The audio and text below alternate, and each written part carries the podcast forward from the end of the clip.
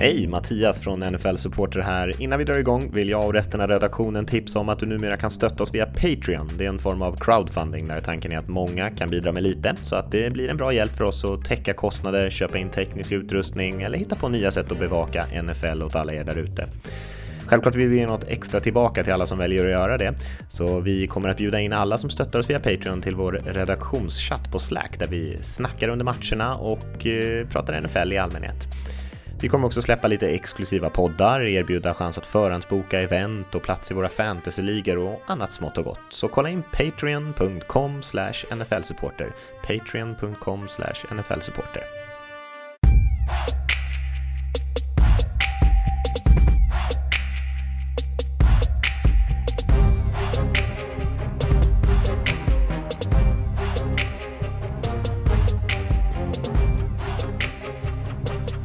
Hej och välkomna till ännu ett avsnitt av veckans NFL med Mattias Olsson och Lasse Thorman när vi är inne på vårt 209 avsnitt här efter vecka 8 igen, eller vecka 9 i NFL till och med. Och vi ska eh, kolla lite på eh, årets rookies, hur de har skött sig i år Lasse och en del annat skoj. Mm.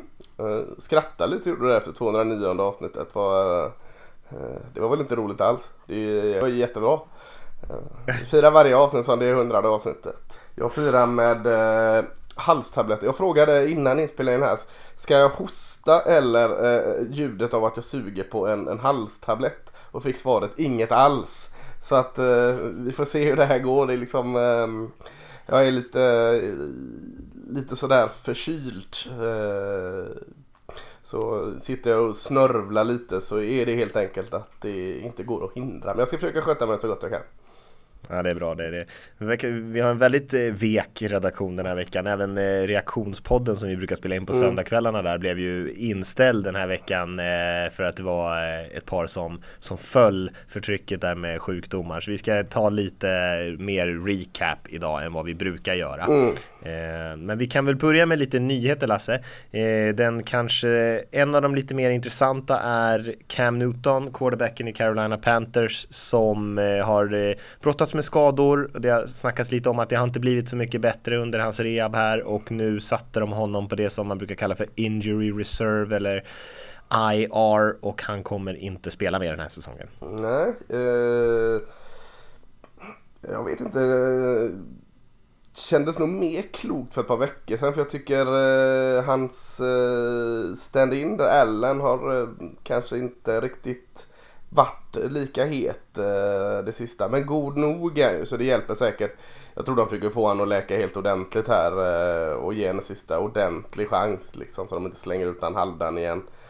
Eh, men de har ju fortfarande jättegoda slutbilschanser och sånt så eh, mm, jag tycker det är lite konstigt men ja, vad fasiken är han skadad så kan han ju inte liksom skicka ut honom på kryckor direkt. Nej, och det verkar ju som att de har inte direkt sett någon bättring eller och det är väl det som är lite deppigt. Mm. Får väl hoppas att han eh, kommer tillbaka efter den här säsongen och är sig själv igen. Eh, såklart en unik, rätt under, underhållande spelare. Eh, och och eh, förhoppningsvis så, så kommer han tillbaka i, i full form. Vi har en annan quarterback-nyhet kan vi väl också nämna. Nick Foles som värvades dyrt till Jacksonville Jaguars blev ju skadad i början på säsongen och Gardner Minshew fick ju hoppa in. Eh, mustaschprydde rookien där som har gjort succé får man ändå säga. Men hade ju en lite tuffare match här senaste veckan och eh, nu meddelade coachingstaben att Nick Foles kommer kliva in igen, tillbaka från sin skada, ta över jobbet och det är tillbaka till bänken för Minshew. Ja, det är alltså, har man värvat in en quarterback för så dyra pengar och han är ju, är ju sina bästa stunder en väldigt bra quarterback så ser jag fullt logiken i detta trots att Gardner Minch har varit bra. Eh, nej, jag, jag, jag har inga, tycker inte det är några problem med det alls. Nej, det var ett litet lyxproblem där ändå mm. att man ändå har höga förhoppningar på Foles och Minshew har spelat bra så det var ju lite win-win för, för Jaguars eh, vem de än valde där eh, känns det som utan det var ändå två positiva val och det är ju bättre än att man måste välja det minst dåliga alternativet. Man förstår ju logiken där. Jag, jag tänkte nog, har nog tänkt hela tiden att när Nick Foles kommer tillbaka så kommer han få tillbaka sitt jobb. Och det, jag tror att eh, Minshews senaste match här, det var inte bara han som spelade dåligt, men Jaguars hade det tufft overall och eh, det gjorde väl kanske beslutet lite enklare. Så det är nästan sådär eh, PR-mässigt för, för Jaguars eftersom många av fansen hade ju ändå eh, fastnat en hel del för Minshew. Så eh, var det nästan skönt tror jag. Det skulle de ju aldrig säga högt, men eh, jag tror att det var nästan lite så att det blev lite mindre jobbigt i alla fall att ta det här beslutet efter senaste matchen. Eh, hade han fortsatt, hade han gjort ännu en sån här jättebra match och så hade det kanske varit ett par som blivit ganska besvikna. Nu eh, var det inte så mycket liv om det här ändå. Nej, det var det var inte hans bästa match och inte Jaguars bästa match heller kan man, kan man lugnt säga. Men fortfarande med i det så ja, det är bara att skaka av sig. Ännu en sån här ojämn London-match var ju tråkigt. Ja, det var ju lite trist faktiskt. På tal om London, vad, hur känner du vibbarna här nu att eh, LA Los Angeles Chargers slänger ut en presskonferens va, för att eh, dementera eh, alla former av rykten att de eventuellt ska flytta till London. Vad, vad, eh, hur känner du det? Nej men intressant, för det första tyckte jag det var kul att de överhuvudtaget eh, gick ut så hårt och dementerade, mm. vilket är, eh, jag tyckte inte det var nödvändigt ens. Sådana här stories kommer ju hela tiden eh, och jag tror att det var ägaren som fick liksom lite panik där och bara tvingade någon att ta tag i det där på, på Chargers organisation, för jag tror inte någon hade väntat sig det. Men det du menar är ju såklart den här storyn från The Athletic, Vincent Bonsignore tror jag han heter som skrev storyn om att eh, Bonsignore. många Bonsignore, ja. exakt. Många som eh, har eh, blivit lite sugna på och tror att det finns en god chans att Chargers skulle kunna vara ett av de lag som flyttar över och gör liksom London till sin hemmabas här framöver. Det har ju varit fyra matcher i år och man har ju sålt slut igen, nästan 300 000 biljetter eh, och eh, har ju testat den här, vad ska man säga, fanbasen borta i Europa under flertal år och de har ju haft lite så här kriterier, måste kunna sälja ut två, sen tre, sen fyra matcher och man har ju gjort allting det. Eh, så att det börjar ju närma sig någon punkt där att man kan liksom inte ha så mycket fler än fyra matcher per år i London tror jag, utan det, någonstans så måste man ju eh, eh, sluta flirta och göra lite verklighet av det eller så får man eh, vara kanske lite tydlig med att det kommer kanske aldrig hända. Men eh, Chargers som du sa dementerade det där stenhårt. Jag tycker det fanns mycket logik i det ändå. Eh, Chargers har ju fått en väldigt dålig start i Los Angeles får man ändå säga. Det är inte mycket fans på läktarna. Det är Väldigt dålig uppmärksamhet för laget där och det är man ju väldigt medveten om i NFL att det här eh, ser inte bra ut för Chargers. Eh, Los Angeles ser inte ut som ett hållbart alternativ för dem att stanna kvar där och då är frågan var de ska ta vägen. Ja, eh, de har inte varit med, eller fasken, minnet är kort. Var inte det någon grej med den här arenan som de skulle bygga att de inte har pyntat in där än riktigt heller? Ja exakt, jag kommer inte ihåg detaljerna, det var några veckor sedan det där ja. kom Men det är ju, Rams bygger ju framförallt den arena så de finansierar och så ska ju Chargers betala en del och sen hyra in sig ja, och, och Chargers har inte riktigt gjort allt de ska, nej. nej, som du var inne på Uh, ja, uh, se vad Jackson, nästa steg är för Jackson väl här nu. De har väl varit mästarflörtarna med London uh, x antal år här nu. Uh, Jacksonville Jaguars som var det senast igen. Det lär, jag vet inte hur många år idag de har varit där men kanske blir en fight om vilka som, två Londonlag. Eh, ett som spelar på Wembley, ett som spelar på Tottenhams eh, arena där. Kan vara något. Det blir samma som den där Los Angeles ja, och så är det ett sörjan igen. Så är det Chargers som inte får slut på slut sina matcher där heller vet du. Exakt. Ja.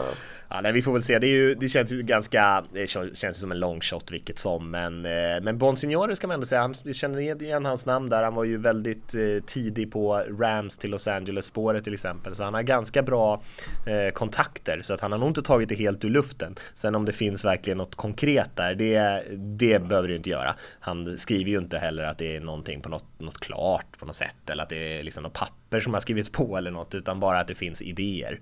Eh, och sen får man ju se vad det händer med det sen.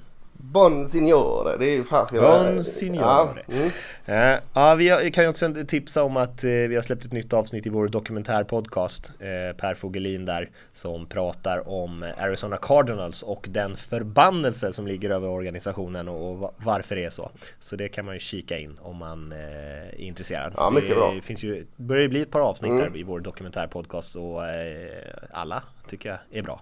Absolut, absolut. Ska vi hoppa till, eh, prata lite grann om vad som hände här i förra veckan Lasse? Mm. Eh, och eh, vi kanske ska börja med någon typ av spaning tänkte jag att vi skulle göra. Jag vet inte om du har, har du hunnit suga, suga på någon spaning eller? Det pratas mycket om eh, 49ers i NFC och det pratas väldigt mycket om New England Patriots i AFC. Det pratas ganska lite om New Orleans Saints eh, i NFC. Eh, de är 7-1 eh, och glider bakom på något jävla eh, sätt alltså. Eh, förlåt nu svor jag där. Jäkla sätt låter bättre. Eh, så en liten spaning är att eh, utan Drew Brees, nu är han väl på gång tillbaka här men, men utan Drew Brees har de ändå 7-1. Det är, och ligger där bakom och inte har så mycket press på sig känns det nästan som. Eh, det är intressant tycker jag.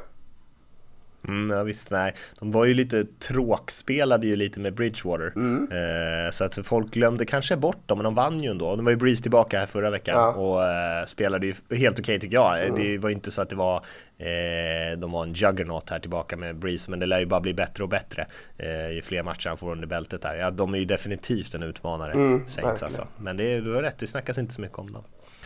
Vad har du för spaning?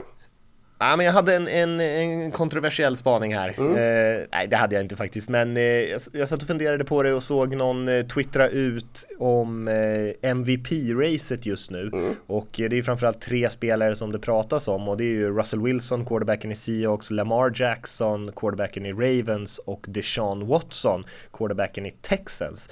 Eh, och det som stod ut för mig där är väl egentligen att det är tre stycken svarta quarterbacks. Det är inte jättevanligt att det är så. Det har ju historiskt varit eh, ganska mycket fördomar om svarta idrottare och quarterback-positionen och det har ju blivit bättre med sen på senare år. Men eh, det är ändå bara drygt 20-25% av startande quarterbacks i NFL som är svarta eh, och det har ju blivit mer och mer. Och Cam Newton vann ju MVP-trofén 2015. Man kan säga att Patrick Mahomes i fjol med en svart pappa, en före detta baseballspelare som Eh, som är lite åt det hållet också, men innan dess så var det ju Randall Cunningham på 90, i början av 90-talet, 1990 och det är den enda svarta kuben som har vunnit innan Cam Newton då tog hem den 2015. Mm. Så det har ju varit väldigt ovanligt och eh, just för att det kanske inte har funnits så många spelare som har fått chansen. Men nu är det ju en ny tid eh, som får man ändå få säga är en positiv utveckling. Eh, och Eh, vi har tre spelare som är där uppe i, toppen någonstans. Oli väldigt olika spelare dessutom. Mm. Eh, så eh, det tycker jag är lite intressant och står ut och förhoppningsvis så, så ser vi väl en utveckling där kanske den bästa spelaren i större utsträckning får chansen att visa vad de går för utan så mycket eh, förutfattade meningar. Ja, verkligen. Eh, absolut. Ska vi kika på några matcherna då som eh, kändes intressanta här förra veckan? Är det någonting som du har sett som stod ut lite grann? Eh, jag kollade lite på eh, Minnesota Vikings eh, mot Kansas City Chiefs där. Tyckte jag var intressant. Eh, och den blev ju väldigt intressant. Eh, Chiefs vann den med 26-23. Imponerad av Matt Moore måste jag säga. Quarterbacken i Chiefs här som fått gått in och hålla platsen medan Patrick Mahomes slickar sina sår. Jag tyckte han gjorde ett jättebra jobb. Eh, var, när var Jag blandade ihop de här kubisarna. Eh, Matt Kessel var en vända innan i Chiefs va? Mm. Matt Moore har inte varit i Chiefs innan. Nej, jag tror jag inte. Och är det han varit? Dolphins har han varit i. Var han i Jacksonville en runda också va? Mm, ja, nu börjar mitt Matt Moore-minne svika mig. Han var eh, pensionerad ett tag ja, innan han kom till men, Chiefs Men oavsett, jag, jag, kan inte minnas att... Eh, och det var ju min reaktion när eh, Patrick Mahomes blev skadad. Jag tänkte, kul, vad får se vad QB nu? Matt Moore, fan vad tråkigt liksom. Men jag säger inte att han ska hålla platsen även när Patrick Mahomes är frisk. Absolut inte. Men jag blev väldigt imponerad av hans spel. Jag tyckte han tog ändå upp den här Mahomes-stilen också. Alltså att eh, ganska långa tunga kast. Han har ju inte alls lika bra arm liksom. Jag tyckte han skötte det jättebra. Och, och eh, med honom och såklart eh, bra playmakers i Damian Williams, eh, running backen och Terry Kill receiven och allt annat. Så, eh, och Kelsey och allt vad det heter. Så eh, känns Chiefs heta igen. Ja. Jag håller med dig. Ja, Matt Moore är intressant. Han var ju eh, ute och scoutade spelare på Pro Days och sånt där mm. och jobbade med det. Så han hade ju egentligen slutat sin spelarkarriär och så nu är han tillbaka och, och, eh, och eh, sköter sig såklart jättebra där i, i Andrew Reeds system. På, eh, på tal, för Kansas City. Ja, på tal om det att, att, han, förlåt nu bröt jag men jag kommer glömma det annars. Eh, och det har inte alls någonting med den här matchen att göra. Men du sa att Matt Moore var ute och scoutade och Pro Day och sånt. Kan det här vara min feberyra? Men såg jag Greg Olson, alltså tight enden i Carolina Panthers, var kommentator på match veckan? Mm, det var han. Var det? Mm. Hur fan går det ihop? Hade de bioweek kanske? Ja men kan man, ja jag vet inte. Men eh, det var så eller? Jag tänkte så här, jag, jag har drömt detta. Nej, jag tror det. Ja. Och jag tror dessutom att han fick eh, väldigt eh, mycket positivt beröm också. Ja, det här har inte alls med Chiefs och Vikings att göra, men jag kom på det när du började prata om att Moore var ute och kollade Pro Days. Sjuk det får vi kolla upp senare. Mer, mer, mer matcher. Eh, ja, nej det skulle bara avsluta mm. med Chiefs-matchen där det var väl, för det första så är det inte särskilt bra insats av Vikings som såklart borde vinna över Chiefs utan eh, Mahomes tycker jag. Men sen också viktigt för KC att ta den här matchen så man kan utmana om nummer ett sidan i AFC för det kan nog vara viktigt eh, om man vill rå på Patriotsen i slutspelet tror jag. Men jag, kan, men jag tycker man kan, jag kan börja med att säga någonting om 49ers Cardinals matchen som var Thursday Night Football. Det var ju hundra år sedan nu. Mm. Men eh, den var ändå oväntat jämn tycker jag. Eh, Cardinals, deras försvar är ju inte så jäkla kast som man kan tänka sig. De har många spelare som spelar bra. Eh, Byron Murphy, rookien bland annat, som vi kanske kommer nämna lite senare här. Men, eh, men Chandler Jones också på den defensiva linjen. Många spelare som spelar rätt bra. Eh, trots det så gjorde ju Jimmy Garoppolo eh, sin klart bästa match i år. Eh, och där måste jag ändå säga att jag blev lite, lite irriterad på sociala medier och sånt där. Och det här är väl kanske inte ovanligt typisk fangrej. Men det var ju många 49ers fans såg jag som liksom och media också som twittrade ut grejer som så här ja de trodde inte han kunde göra det. Nu har han bevisat alla tvivlare fel. Sådär om, eh, om Garoppolo.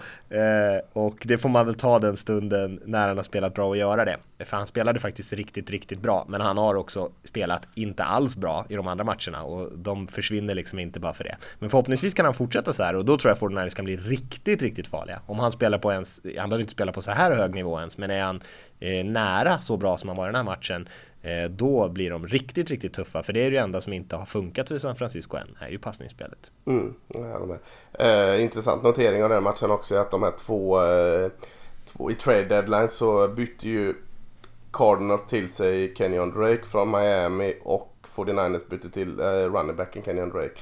Och 49ers bytte till sig wide receiver Emmanuel Sanders från Denver va? Just det. Eh, båda, båda var, jättebra alltså. Om inte Garoppolo har varit så bra eh, snudd på man of the match offensivt. Eh, Kenyon Drake plus 100 i år en touchdown och Sanders plus 100 i år en touchdown. Så intressant att de kunde göra en impact så snabbt. Verkligen, och när vi pratade 49ers så pratade lite om det här Air Raid, eller pratade om, inte Air Raid, pratade om Shanahan. Mm. Så, så sa vi ju det att hans nummer ett receivers brukar ofta få ganska mycket att göra. Eh, och Sanders har ju klivit rätt in i den rollen här nu. Eh, och lär få fortsätta få mycket bollar. Det man mm. kan avsluta där och säga om Cardinals är bara att jag, jag, tycker de ser ganska giftiga ut. De har inte tillräckligt många bra spelare, men eh, de kommer bli bra tror jag. Och Kylie Murray kommer också bli bra. Mm, kul för Cliff Kingsbury. Eh, många mm. tvivlar på honom. Och, eh, ja, precis som Garoppolo så är det väl inte eh, utropstecken bakom honom än. Men, men eh, spännande start. Mm.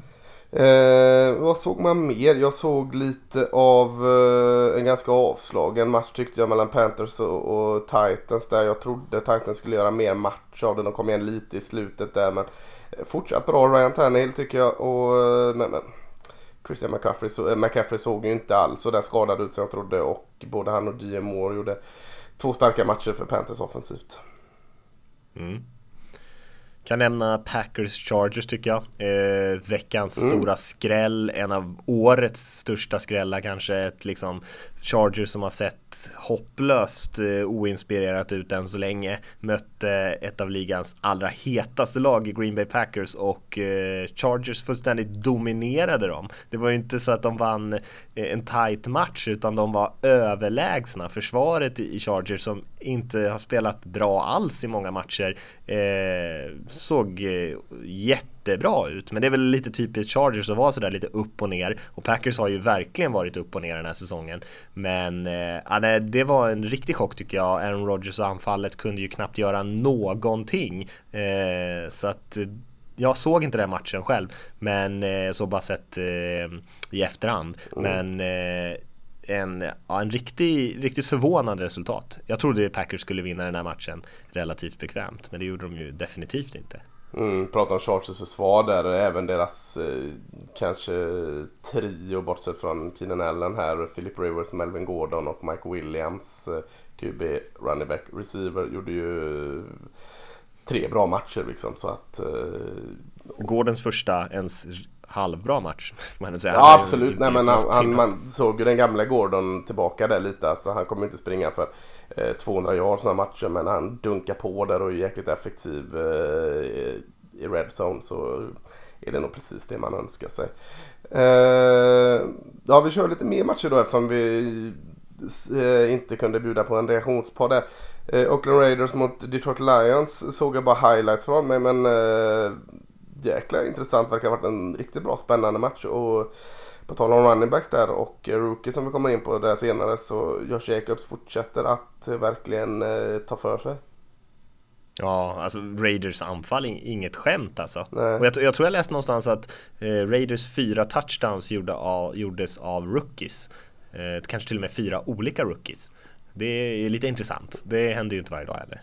Verkligen. Men ja, Eh, jag vågar inte uh, frågasätta den där men jag tänker mest att det jag såg så såg Matthew Stafford sådär löjligt bra ut som Matthew Stafford kan göra ibland.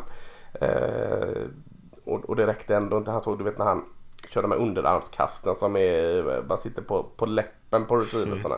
Mm. Uh, Kenny Golladay mest då. Så jag tyckte det var två, två riktigt bra offensiv som möttes där i varje fall i, i den matchen. Ja, verkligen kan nämna någonting från Seahawks Buccaneers också ja, som jag såklart tittade på. Ja, det var inte mycket försvarsspel, det kan man inte säga. Eh, utan massor och massor av poäng, eh, långa passningsspel, Eh, underhållande såklart eh, om man gillar den typen av fotboll. Eh, James Winston spelade väldigt bra mot ett Seahawks försvar som har mycket, mycket frågetecken. Eh, Russell Wilson var ju fullständigt magisk i den här matchen, kastade för fem touchdowns.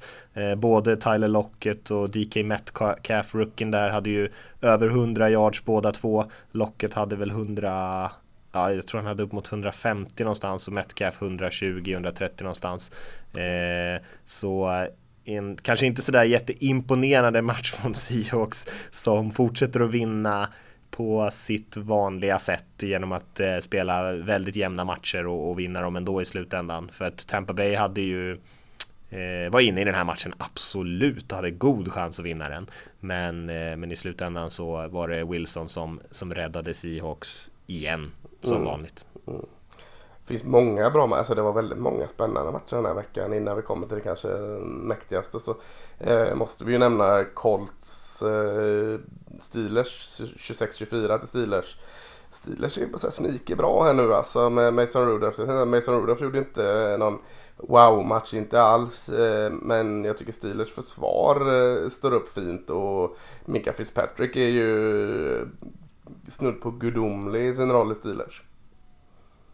Ja, ja visst. Han har ju varit eh, tokbra. Ja. Han hade var det i den här matchen han hade sin eh, 98 yards eller något sånt här? Jag tror det. Interception return det. Mm. för touchdown. Ja. Eh, han får ju hela Steelers försvar att lyfta sig liksom. Eh, från safety-positionen vilket är jäkligt imponerande. Patriots Ravens måste vi prata om va? Ja, veckans kanske mest ja. intressanta match där eh, två riktigt bra lag eh, där Ravens fick en eh, ruskigt bra start, gick upp till 17-0.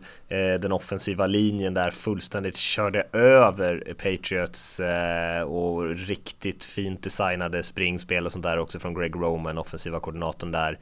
Långa drives Eh, och sen så kom ju Patriots så småningom tillbaka lite i den här matchen. De lyckades ju inte riktigt trycka in touchdownsen nere i red zone. Men det var ändå jämnt. Det var ju bara 20-24 tror jag, en bra bit in i, i tredje kvarten.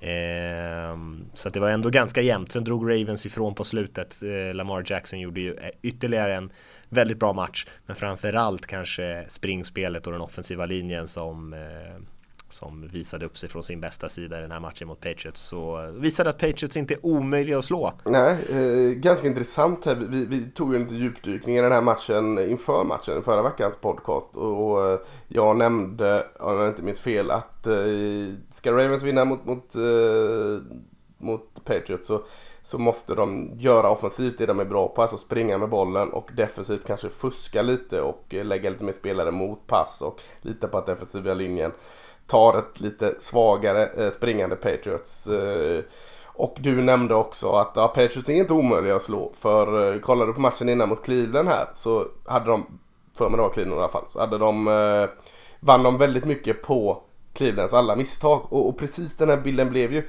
Ravens kontrollerade spring åt båda hållen och Patriots kom in i matchen på grund av att Ravens gjorde ett par jäkla misstag. Man tappade bollen, turnovers. Så det var, eh, vi får klappa oss själva på axeln där. Vi hade en ganska bra analys på den matchen där. Så att, eh, eh intressant att det blev ungefär som vi, vi hade tänkt oss. Ja, och kanske Patriots gjorde ju också lite misstag i den här matchen i början. De hade ju en neutral zone infraction där en, eh, på special teams när Ravens, när de hade stoppat Ravens på deras ja, första serie. Nej, i och för sig djupt ner i, i eh, New Englands red zone så det var inte så att de liksom hade eh, ställt upp någon järnmur där eller någonting utan Nej. Ravens hade ju kört över dem. Men mm. då skulle de kicka in field goalet, Patriots-spelare står offside, eh, man får nya downs och gör touchdown istället. Eh, och så började man liksom matchen. Mm. Så att eh, och sen som sagt lite ineffektiva nere i red zone. Jag tycker så här, min, när jag såg reaktionerna på den här matchen så fick man ändå känslan av att Baltimore hade eh, totalt dominerat och kört över Patriots. Så uppfattade jag inte alls matchen när jag såg den sen dagen efter utan jag tyckte den var jämn. Jag tyckte inte, inte den sa sådär jättemycket om Patriots. Jag tror Patriots fortfarande är ett väldigt bra lag som kommer bli jättesvåra att slå. Jag tycker mm. det sa mer i så fall om Ravens, att Ravens eh, kan vara riktigt bra. Eh, på en bra dag och kan slå vem som helst och kommer bli farliga. Eh, och det har de visat nu här. Så det var ett väldigt bra test för Ravens tycker jag, där de visar att de kan definitivt spela med de bästa lagen i ligan. Men för Patriots tror jag de fortfarande ligger kvar där uppe i toppen. Jag är inte liksom orolig för dem eh, under den här säsongen. Nej, jag håller helt med. Eh, har vi något mer som vi ska säga från den veckan? Nej, det kan vi inte göra. Då lägger vi hela podden på... Eh, någon måtta får det vara.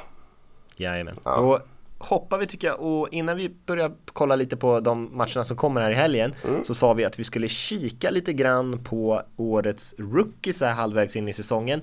Eh, hur tycker vi det har sett ut generellt? Eh, hur har det gått för spelarna som gick topp 10 i toppen av draften? Och sen lyfta lite spelare som kanske gick lite senare men som antingen har spelat bra och sen kanske några spelare som ja, det, vi är inte riktigt sådär övertygade och vill eh, se lite mer från dem innan vi eh, säger att det var ett bra val. Så att det blir lite positivt, lite negativt och lite överblick där. Mm. Får jag ta min halstablett i det här segmentet eller? Jag sitter och det kliar väldigt i min hals.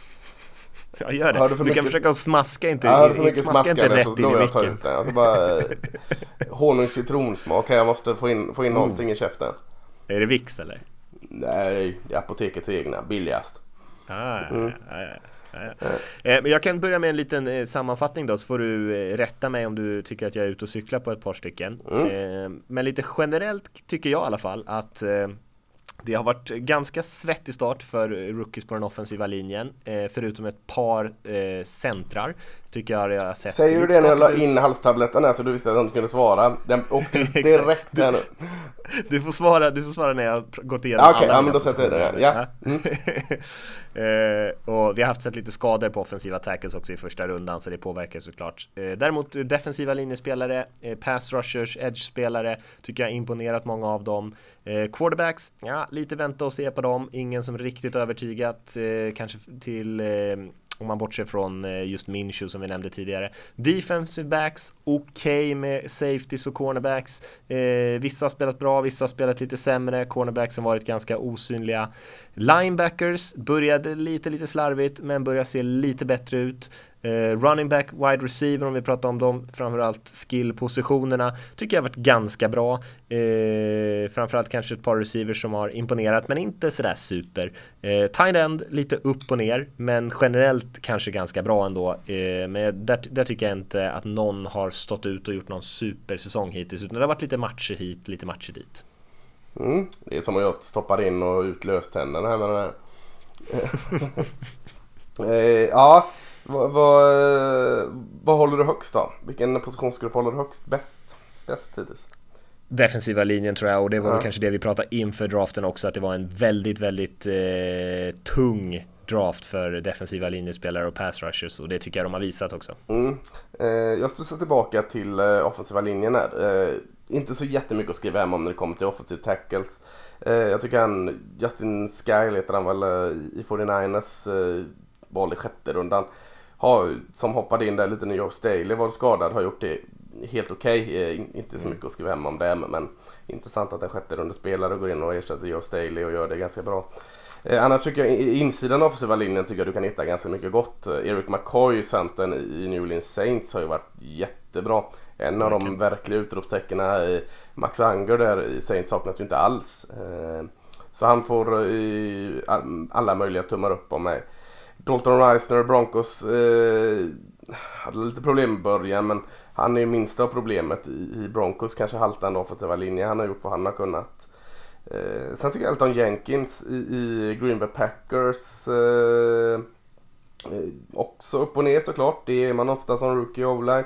Men eh, han har gjort det bra också. Så att insidan av offensiva linjen tycker jag är... Eh, mm, gillar jag ändå. Ja, jag håller med dig. Eh, framförallt eh, Jenkins och McCoy som du nämner mm. där har ju spelat eh, riktigt bra. Eh, Även framförallt... Garrett Bradbury, centern i Vikings, som började värdelöst, har kommit igång lite mer. Ja, absolut. Mm. Lite positiva livstecken i alla ja. fall. Men ska vi Lasse, börja kika lite grann på topp 10-listan innan vi kommer för mycket in på aha, namnen här? Aha, aha. Eller? Ja, ja, jag kör på det. jag, kände, jag kände att du var på G där. Ja. Annars går du igenom position för position här och ja. då kommer vi liksom, då blir det, då blir det aldrig slut på den här podden. Okay. Uh, men vi börjar där, sen kan mm. vi hoppa till lite spelare som har imponerat generellt uh, på alla positioner. Men eh, man kan ju, jag kan ta de första fem namnen på topp 10 listan här. Eh, så kan vi säga något ord om dem. Och Kyler Murray gick ju först quarterback in till Cardinals. Sen har vi Nick Bosa till 49ers. Sen har vi Quinnen Williams. DN Nick Bosa, du får, får hålla dig till positionerna här nu. Så att... ja, ja, ja, ja, just det. Nick Bosa, änden där. Mm. Eh, sen har vi Quinnen Williams, defensive tackle till Jets. Cleland Farrell, som också är en defensive end till Raiders. Och sen gick ju Devin White, inside linebacken, väldigt högt där till Tampa Bay Buccaneers. Vad kan man säga om den femlingen? Uh, ja, men tre tumme upp och två eh, tummen ner va? Mm. Jag skulle kunna säga att Williams som jag Williams kanske lite sån där lite... Eh, handskakning. Exakt, ja, han är lite mittemellan just Trög start på honom, han har blivit allt bättre där. Eh, också lite att de tradar den andra Williams är väl ett tecken på att uh, Quinn Williams, de känner sig trygga med honom där. Ja. Men, men eh, bäst här såklart utan snack är ju Nick Bosa andra draftade till, till 49ers i änden. Det är ju verkligen, vad säger man, slam dunk 7-6 och eh, en jäkla, jag vet inte jag, en envist bi på quarterbacken. Så han är ju, han är ju den som sticker ut mest tycker jag. Ja, och det du menade när du sa tumme upp, då du gav Kylie Murray den andra tummen upp och lite halvt tummen ner då på Cleveland Farrell som kanske framförallt står ut som hittills i alla mm. fall den som har haft det tuffast och sen Devin White eh, linebacken har ju eh, haft det ganska tufft. Skador men, och grejer också där på honom. Skador också, men gjorde ju en bra match här senast Jättebra. och eh, kanske är lite på väg åt rätt håll ändå. Ja. Eh, men har haft också en del tuffa insatser. Ja, för Devin White var ju en av mina absoluta favoriter från college där så att jag långt ifrån att upp på honom. Eh, tror jag kan bli bra. Men och, ja, och Kelly Murray, alltså. alltså vad mer kan du begära av honom egentligen? Liksom, mycket nytt för honom, mycket nytt i Arizona. Eh, spelar valpigt emellanåt såklart men, men hans spelstil eh, så tycker jag alltså det är ingen som kan ifrågasätta den än. Nej jag håller med. Alltså, hans eh Alltså det är klart att han tar vissa beslut, han litar kanske lite för mycket på sin atletiska förmåga ibland, men hans accuracy ibland är ju mindblowing tycker jag. Alltså han är ju eh, enormt placeringssäker med bollen. Sen har sina nästan baseball-liknande där mm. som är eh, otroliga och de sitter ju liksom på millimeter när de ska sitta. Det är, det är definitivt inte självklart att det skulle vara så för nummer ett pick. Eh, så att för mig tycker jag att han har imponerat än så länge. Men mm. eh, jag förstår om man är mer vänta och se på honom. Ska vi ta den sista 60-10 där så har vi ju Surprise mm. picket där till Giants, Daniel Jones, quarterbacken. Nummer 6, sen har vi Josh Allen, outside linebacker slash edge rusher där till Jaguars. Sen har vi TJ Hawkinson, tight enden som gick till Lions. Ed Oliver, defensive tackle slash defensive end till Bills. Och sen har vi en till inside linebacker här, Devin Bush, som folk har glömt det. väldigt ovanligt att linebackers går så här högt, som gick till Steelers nummer 10. Mm, jag tycker det är en eh, bra grupp. Eh, jag är inte tummen ner till någon av dem i alla fall. Eh, ska vi börja med Daniel Jones så känns ju helt rätt framtiden. Eh, han, han, gör också väldigt tydliga misstag med, med eh, kanske lite övertro på vad han ser och inte ser. Det blir lite många picks och han tappar lite fumbles och sånt. Men eh, hans kombination av ändå eh, vad han ändå ser och hans möjlighet att röra sig gör att han är ju intressant och eh, trodde inte man skulle se detta av Daniel Jones.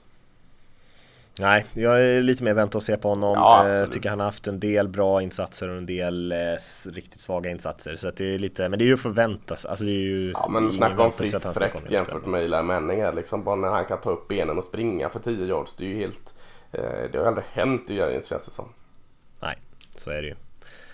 Josh Allen får man väl ändå säga en slam dunk i Ja, det är det. Precis som Bosa med sju sax än så länge. Verkligen kommit igång i det sista här och eh, ja, det är inte mycket mer att säga än att uh, rätt, rätt, rätt, rätt, rätt. Uh, Tio Hawkinson är lite lurig. Uh, det är ju ingen wow uh, stats eller annat och han har haft problem med en del drops och annat men, men han gör ju allt bra alltså. Han, han är uh, det är en sån här spelare, det är ju tråkigt att säga detta, att Detroit offensiv blir så mycket bättre när Tio Hawkinson är inne.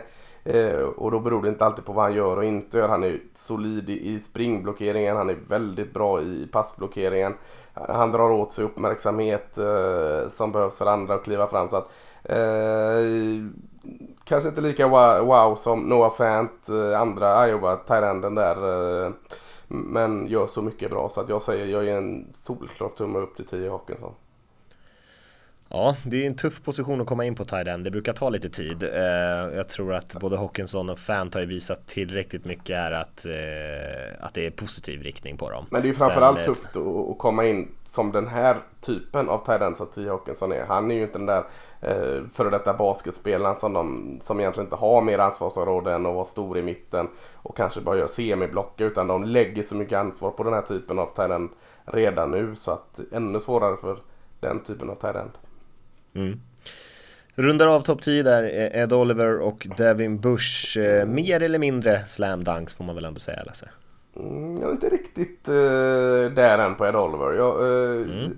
tycker det är ja, bättre och bättre för varje vecka såklart. Men uh, jag är nog inte beredd att säga slam dunken. Helt okej. Okay. Uh, ingen ånger i Buffalo för tagit honom. Men då är jag med på Devin Bush som jag tycker uh, framförallt efter Minka Fitzpatrick har kommit in där och kanske tagit av lite av det här när han ska falla väldigt djupt i coverage så har Devin Bush verkligen frodats och ser jättebra ut.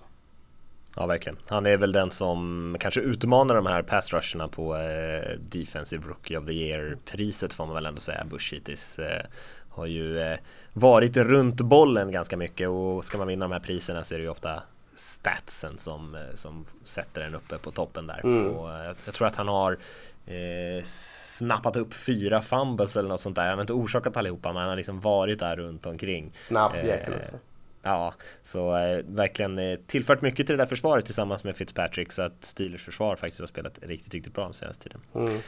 Eh, ska vi lämna topp 10-listan där och ja. gå till lite spelare, lite all over the place där på, på draften som har imponerat. Eh, och man får egentligen plocka lite från vilken runda man vill så kan vi avsluta med att nämna några spelare som kanske har lite att bevisa fortfarande. Då. Mm.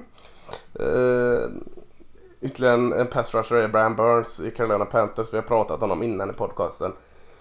Eh, jag tycker han är jättefin. Han är nivån under kanske Josh Allen och Nick Bosa men inte så mycket under heller. Jag tycker han har haft ett jättefint, uh, han har kommit in i det så snabbt. Ja, nej, jag håller med dig.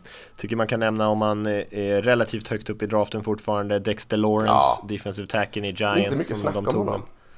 Nej, och det, han är ju en nose tackle ja. typ så det blir inte riktigt samma stats-samlande som pass rusherna. Han har ju två eller två och en halv sax där men han har spelat väldigt, väldigt bra över alla delar av spelet eh, i Giants där. Så en spelare som jag tycker man kan ge lite cred. Ja, minst av Giants problem med Dexter Lawrence. Det är jättebra värde i honom. Eh, snyggt gjort.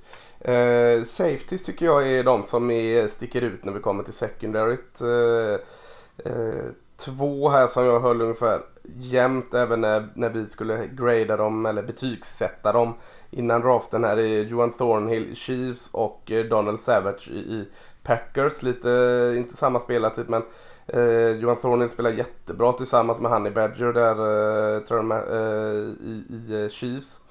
Och Daniel Savage eh, skadar väl sig sist här va. Eh, tråkigt visserligen men tycker han spelar jättestabilt både mot spring och, när han ska falla bak i coverage. Så, så två safety som jag lyfter upp där. Mm, man kan slänga till en till safety där, ja. Chauncey Gardner Johnson som spelar lite sporadiskt för Saints. Eh, tog ju honom med 105 valet, så ganska sent i draften ändå. Eh, och har ju fått eh, mer speltid här i och med lite skador på lagkamraterna och har ju kommit in och skött det jobbet jättebra. Eh, så eh, en spelare som många gillar som blev väldigt förvånade att han föll så långt eh, och som sen visar att han är rätt bra ändå. Ja, även Safety Willis i fjärde rundan för Colts har gjort riktigt bra. Så bra fynd där. Så att det är många safeties. Mm.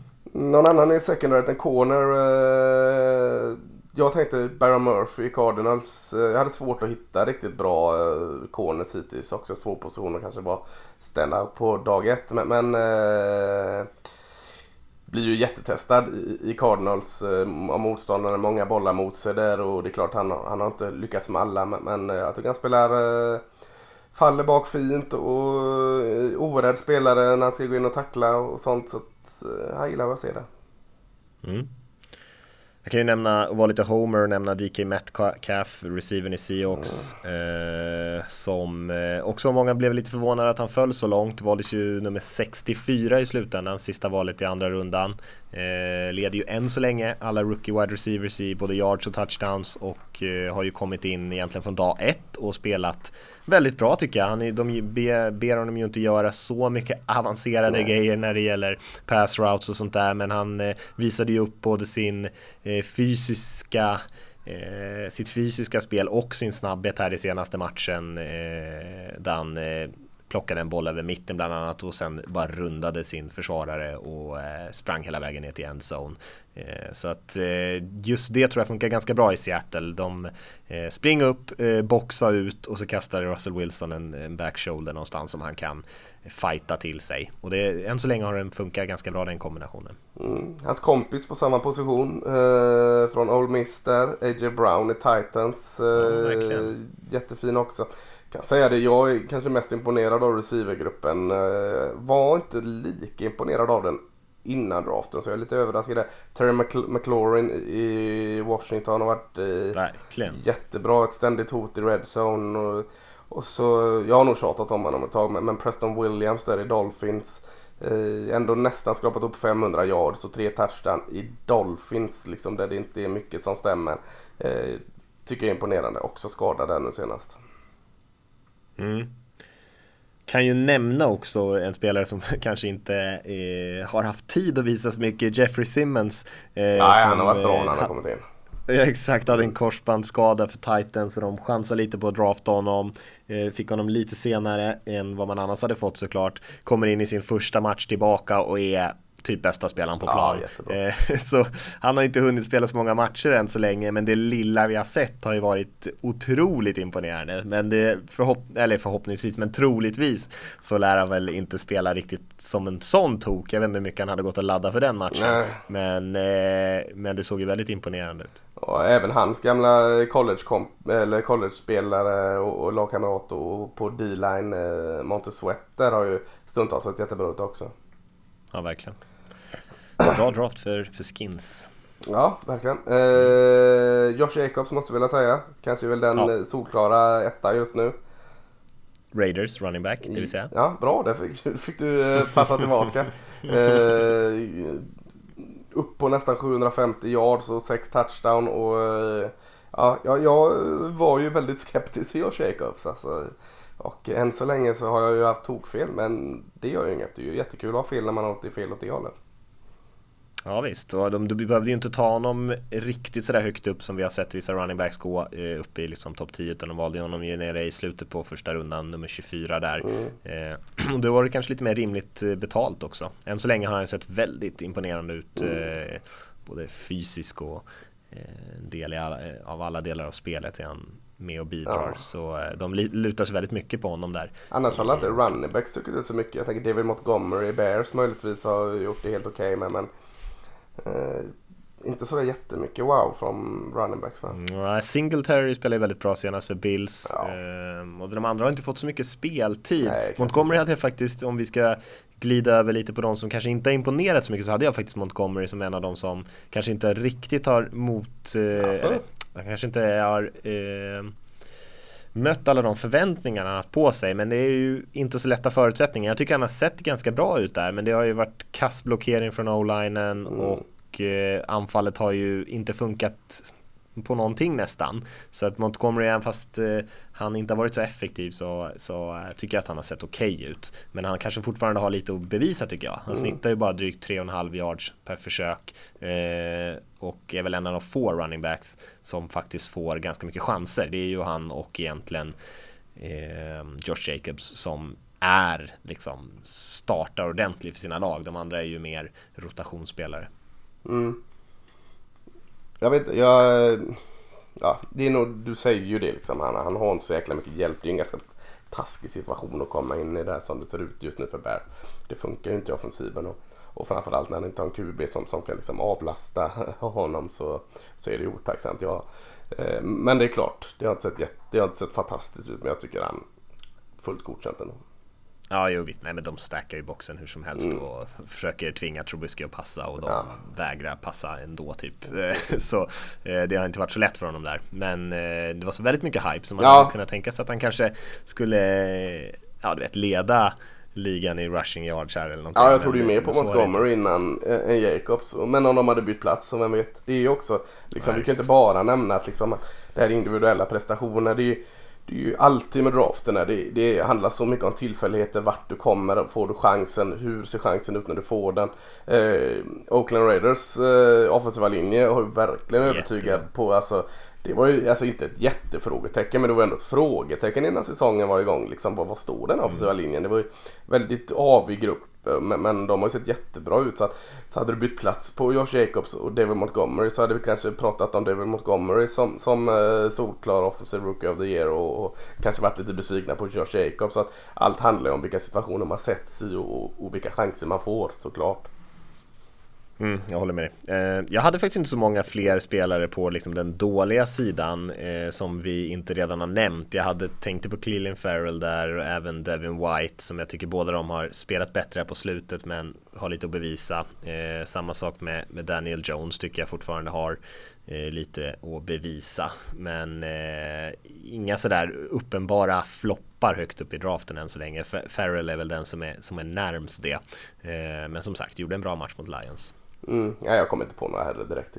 Det är inte heller riktigt schysst att uh, kalla dem floppar efter åtta, efter matcher. åtta matcher eller nio matcher. Nej, många har ju knappt spelat uh, och det är ju inte nödvändigtvis dåligt. Det, de kanske kommer igång lite senare helt enkelt. Ja, det tror jag på. Vi säger det bara.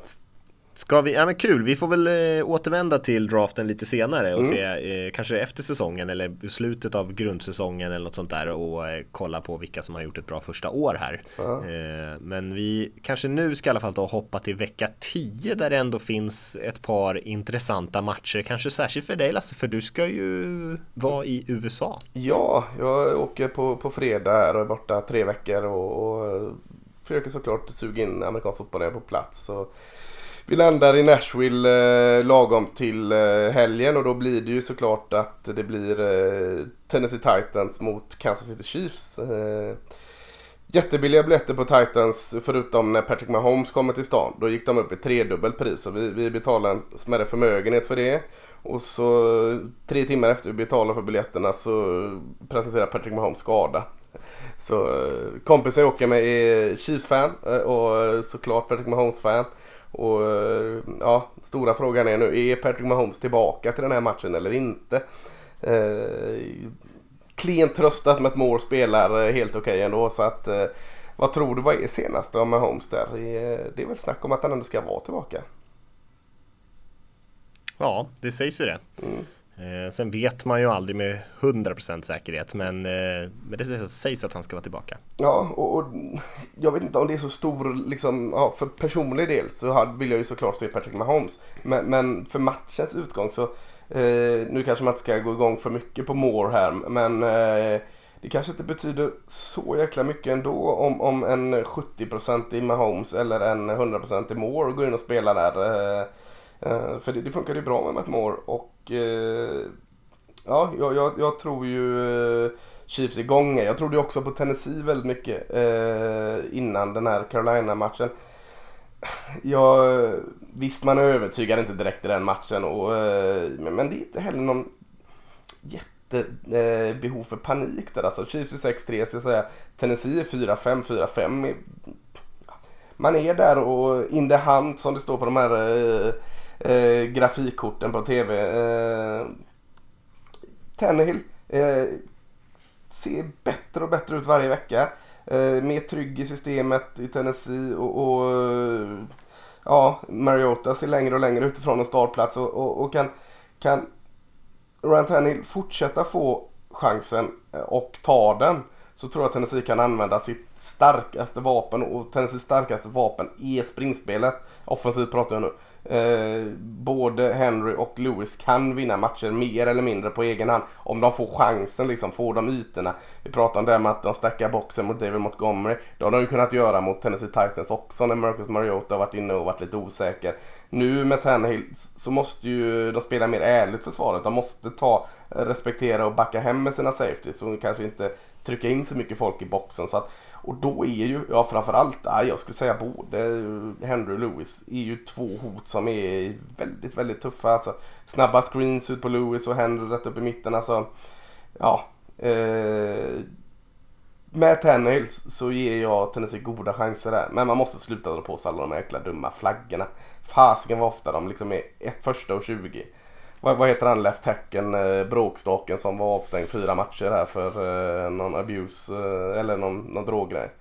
Tyler Levan. Ja, ja. Eh, han, han, det är ju härligt att se den liksom elakheten i honom eller ilskan men jävlar vad han drar på sig flaggor.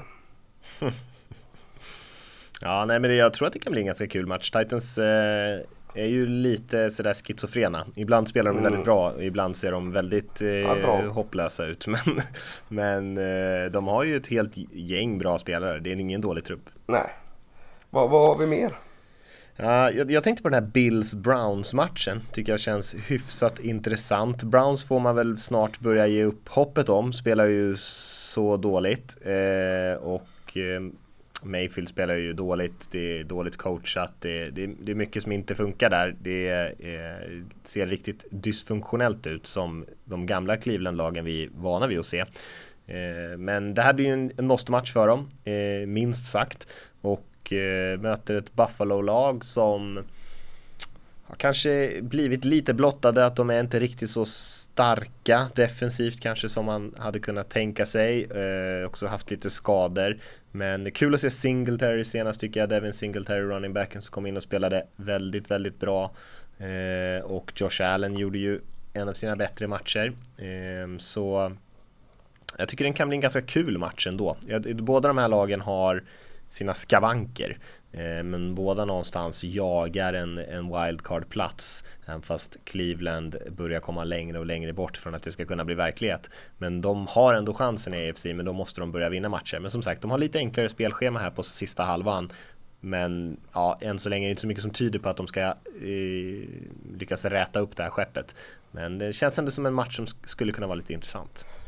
Ja, jag tror ju fortfarande på Bills. Eh, eh, jag står fast vid det här, även att det är en bra start. Men, eh, Browns, spännande. De är ju 0-3 hemma dessutom. Så att det är inte direkt mm. det, vad, kallar de, då, vad kallar de sin hemma? Hundgården där har ju inte direkt skrämt motståndaren. Jag såg Browns senast här och jag blir inte klok på dem alltså. Det är jag ju inte ensam om. Men, Odell Beckham Jr får bollar och gör skitbra dem. Varför, varför involverar man honom inte ännu mer i spelet? Jag tycker liksom han kommer bort många stunder. Liksom. Eh, sätt han, varva han utsida, insida, låt han vara slott emellanåt, låt han gå ut och vara utsida ibland. Få han att vara med i sju av tio offensiva spel för fasiken. Alltså, han kan göra allt. Du kan Wildcat med honom, sweeps och skit alltså. Eh, vad har du förlorat att bara mata Paul Becker Jr för han är ju fortfarande svinbra. Ja, det är klart att han måste ju såklart steppa upp han också som en stjärna men jag, jag håller ja, men jag med. Jag tycker han tar chanserna när, han får dem knappt. Ja visst, jag tyckte han, han såg en video där han gick runt på sidlinjen och man bara såg liksom Han bara kokade av frustration. Han försökte ändå hålla sig liksom samman så det var inte så mm. att han mm. liksom gick och skällde på någon eller så men han stod ju liksom riktigt, riktigt eh, För att, ja så många har pekat ut han han slår ju ofta sin försvarare, springer mm. rätt fri, mm. eh, får inte bollen. Eh, dels handlar det om att Baker Mayfield tror jag har tappat lite självförtroende. Inte så konstigt, han har varit en av de sämsta startande quarterbacksen i hela ligan i år. Mm. Eh, och eh, sen tror jag också det handlar om att Freddie Kitchens, som jag var väldigt eh, tydlig med vad, vad, jag tror om hans chanser att få bolla det här jobbet. Jag tror inte att han kommer eh, stanna kvar mer än ett år. Men eh, hans också eh, play calling, hans offensiva rytm och system har ju verkligen inte funkat. All den här glansen som han tog med sig från förra säsongen när de Eh, spelade så bra, alla de här improvisationsspelen med Mayfield funkade och liksom allting klickade.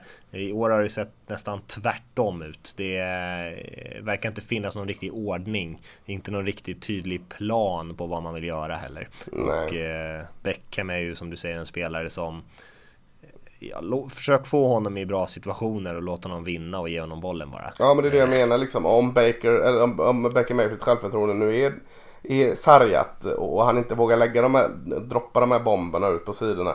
Sätt då Odell Beckham Jr i enkla och slott receiver position emellanåt. För han kommer ju ta 20-30 år efter catch liksom. Eh, inte alltid såklart men, men bättre chans än de flesta.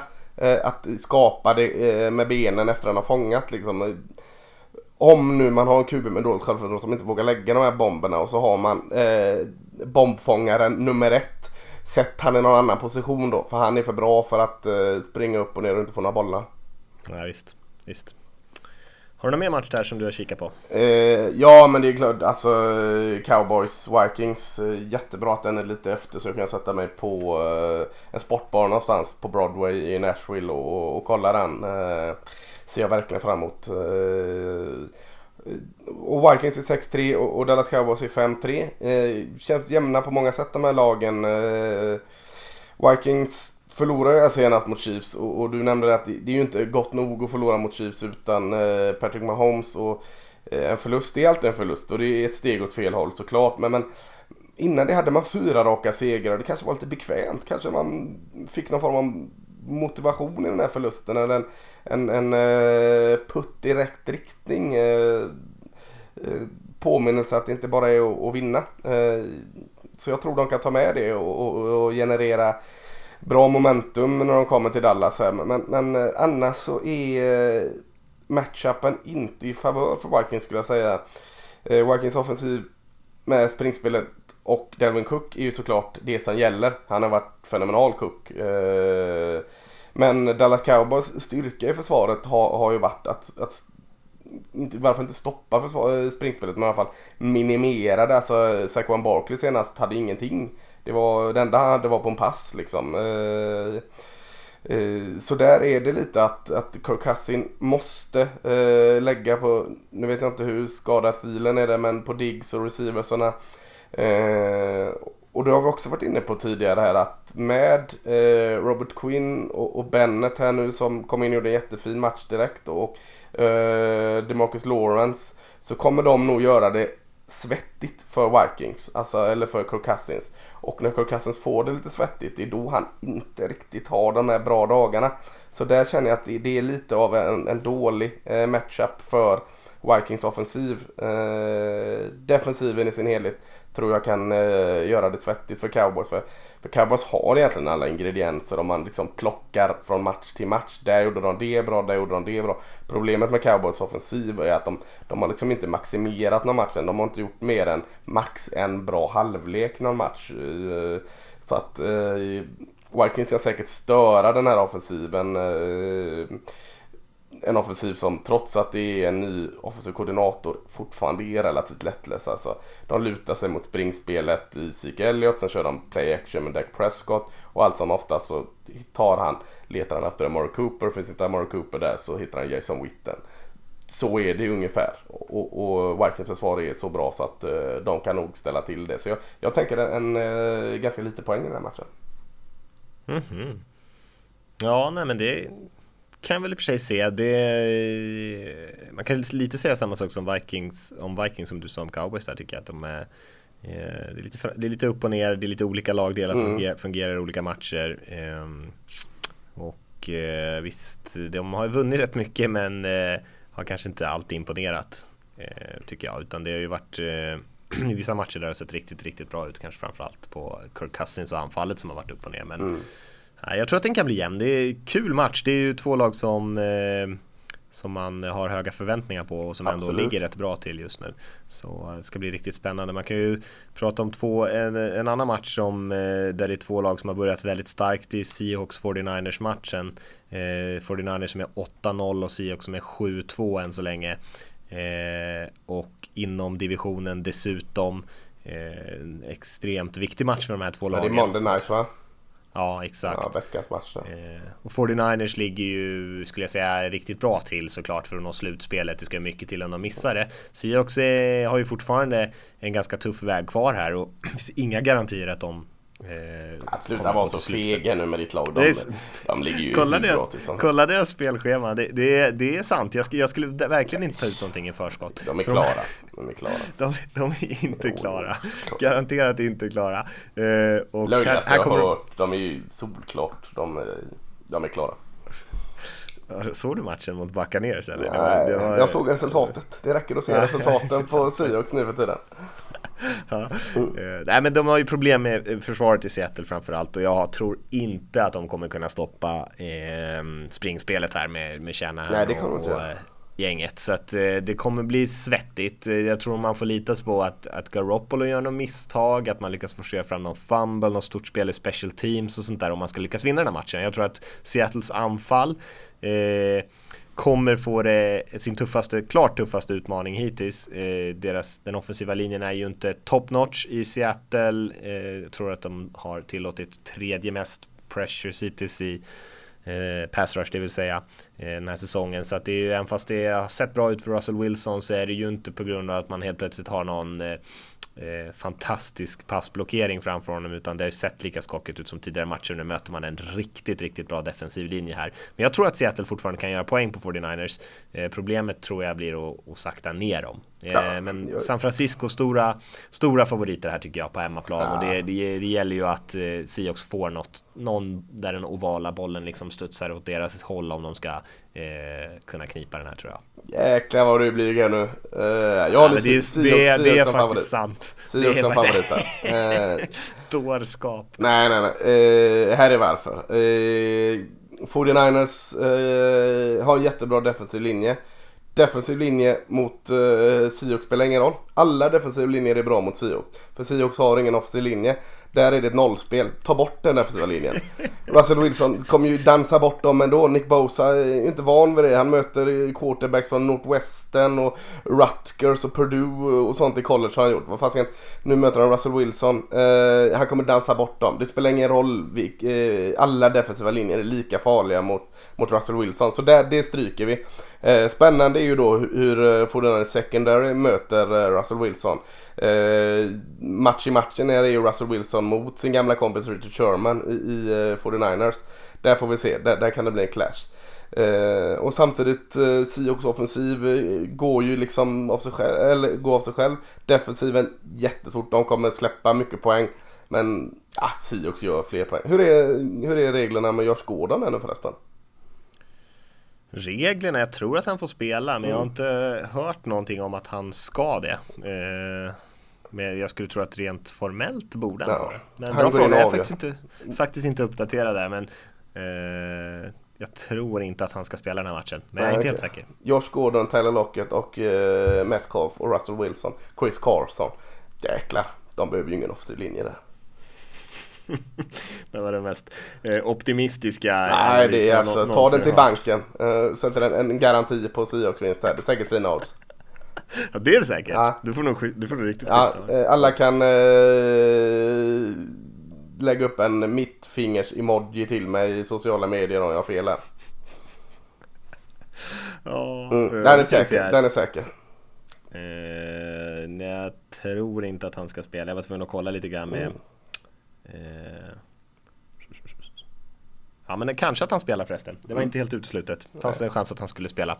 Ja, eh, nej, men kul match ändå. Jag tror att den, eh, den kan nog bli ganska rolig. Eh, två lag som har börjat väldigt starkt där såklart. Så en viktig match i, i NFC West. Det var ett hett derby också. Något annat derby? New York Giants, New York Jets. Mm, extre, extremt rätt. Ja. Ja. Avloppsbowl. Ja, bara nämna det då. Det är en fin New York-match. Eh, Nej men vad har vi andra, andra matcher som är av, av relevans? Inte bara. Chargers, eh, Oakland har väl... Eh, nej, vi släpper nog den innan eh, torsdag natt här. Så att eh, det är ju en intressant match. Liksom. Båda står och väger där bakom eh, Chiefs. Nej, men jag håller med. Två lag som har lite, lite positiv eh, vind i seglen. Eh, som sagt, kanske inte alla hinner lyssna innan torsdagen här så vi kanske inte ska djupanalysera den här matchen men eh, finns mycket att gilla där tycker jag. Som sagt, Oaklands anfall som har spelat väldigt bra på senaste tiden eller egentligen hela säsongen imponerat. Eh, och Chargers då som imponerade så mycket förra veckan här mot Green Bay. Vi har, jag tycker vi har två andra rätt hyfsade matcher som man i alla fall kan nämna tycker mm. jag och det är Rams möter Steelers. Ja. Eh, Steelers eh, jagar ju ändå en slutspelsplats och eh, Rams gör ju faktiskt också det. Det är ju sjukt att de ändå har spelat rätt hyfsat men ligger ju uppenbart trea i divisionen bakom mm. Seahawks och 49ers. Och sen har vi Panthers Packers. Panthers som kommer få avsluta utan Cam Newton här såklart och sen Packers som inte spelar bra senast men som ändå sett över hela säsongen har imponerat rätt mycket. Och Panthers har ju också spelat bra i perioder framf framförallt på den på den defensiva linjen och med, med McCaffrey där. Ja, jag är lite överraskad över att Packers ändå är 7-2. Eh, jag ska inte säga att de har haft mycket flyt och sånt. Det de är 7-2 av en anledning eh, såklart. Men, men jag tycker det känns konstigt för att det är Packers försvar. Och det är ganska Ja, det är inte det mest rutinerade försvaret. Det är ändå nytt system och allt sådant.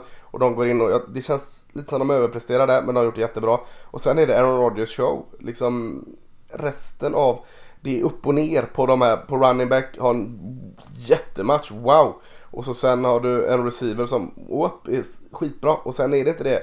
Eh, nästa, de är en mycket, mycket bättre version av eh, Tennessee Titans. Alltså eh, det är eh, dalar och höga toppar.